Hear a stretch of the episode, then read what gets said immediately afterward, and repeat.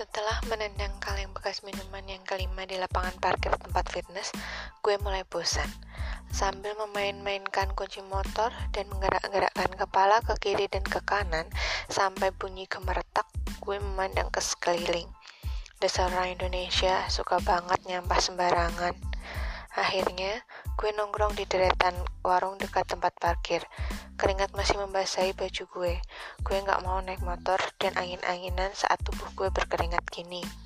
Kata Bang Ade, instruktur fitness gue, gak bagus ketika masih berkeringat kayak begini langsung naik motor.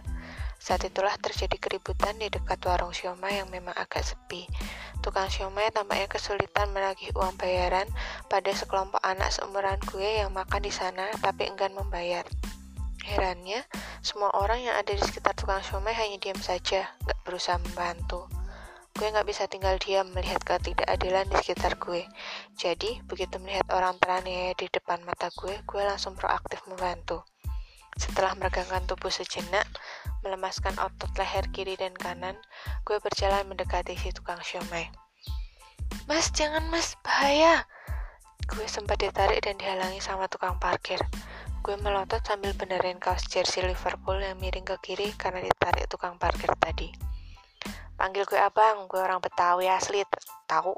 Lo mau biarin aja mereka malakin tukang siomay itu. Dengar hal itu, si tukang parkir mengarat mundur. Mukanya pusat pas, pucat pasi. Saya cuma tukang parkir, mas. Eh, abang maksudnya. Tugas saya jagain kendaraan yang parkir di sini. Ah, pengecut. Gue langsung menarik kaos gue yang dipegang tukang parkir itu. Orang-orang di sekeliling gue tampak pucat pasi. Mereka menggelengkan kepalanya ke arah gue, menyuruh gue supaya nggak nggak usah ikut campur. Melihat hal itu, muka gue malah terasa panas. Gue marah sama mereka yang pengecut dan membiarkan ketidakadilan terjadi di depan mata.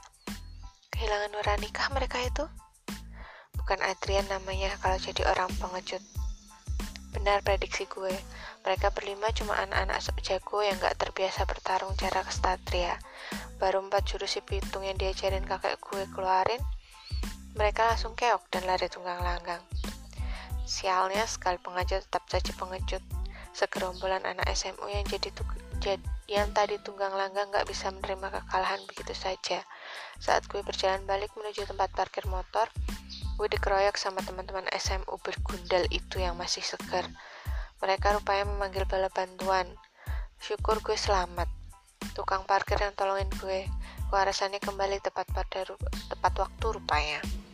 Akan tetapi, gue tetap dipanggil Pak Agung. Padahal gue kira masalah sudah selesai saat itu juga. Ternyata mereka melaporkan kejadian itu ke gurunya, dan sang guru langsung melancarkan protes keras ke Pak Agung tanpa menceritakan detail murid mereka yang memalak tukang siomay. Gue cuma bisa diam saat aku berceramah. Pikiran gue penuh rencana balas dendam. Kalahkan mereka secara elegan, Adrian. Bukan dengan otot, tapi dengan otak. Nanti gue akan kasih tahu lo caranya. Lo tenang aja. Ternyata SMU Begundal itu pun ikut acara besar Sumpah Pemuda yang akan datang. Ini kesempatan gue untuk balas dendam secara kesatria. Benar kata Pak Agung, kalahkan mereka bukan dengan otot, tapi otak.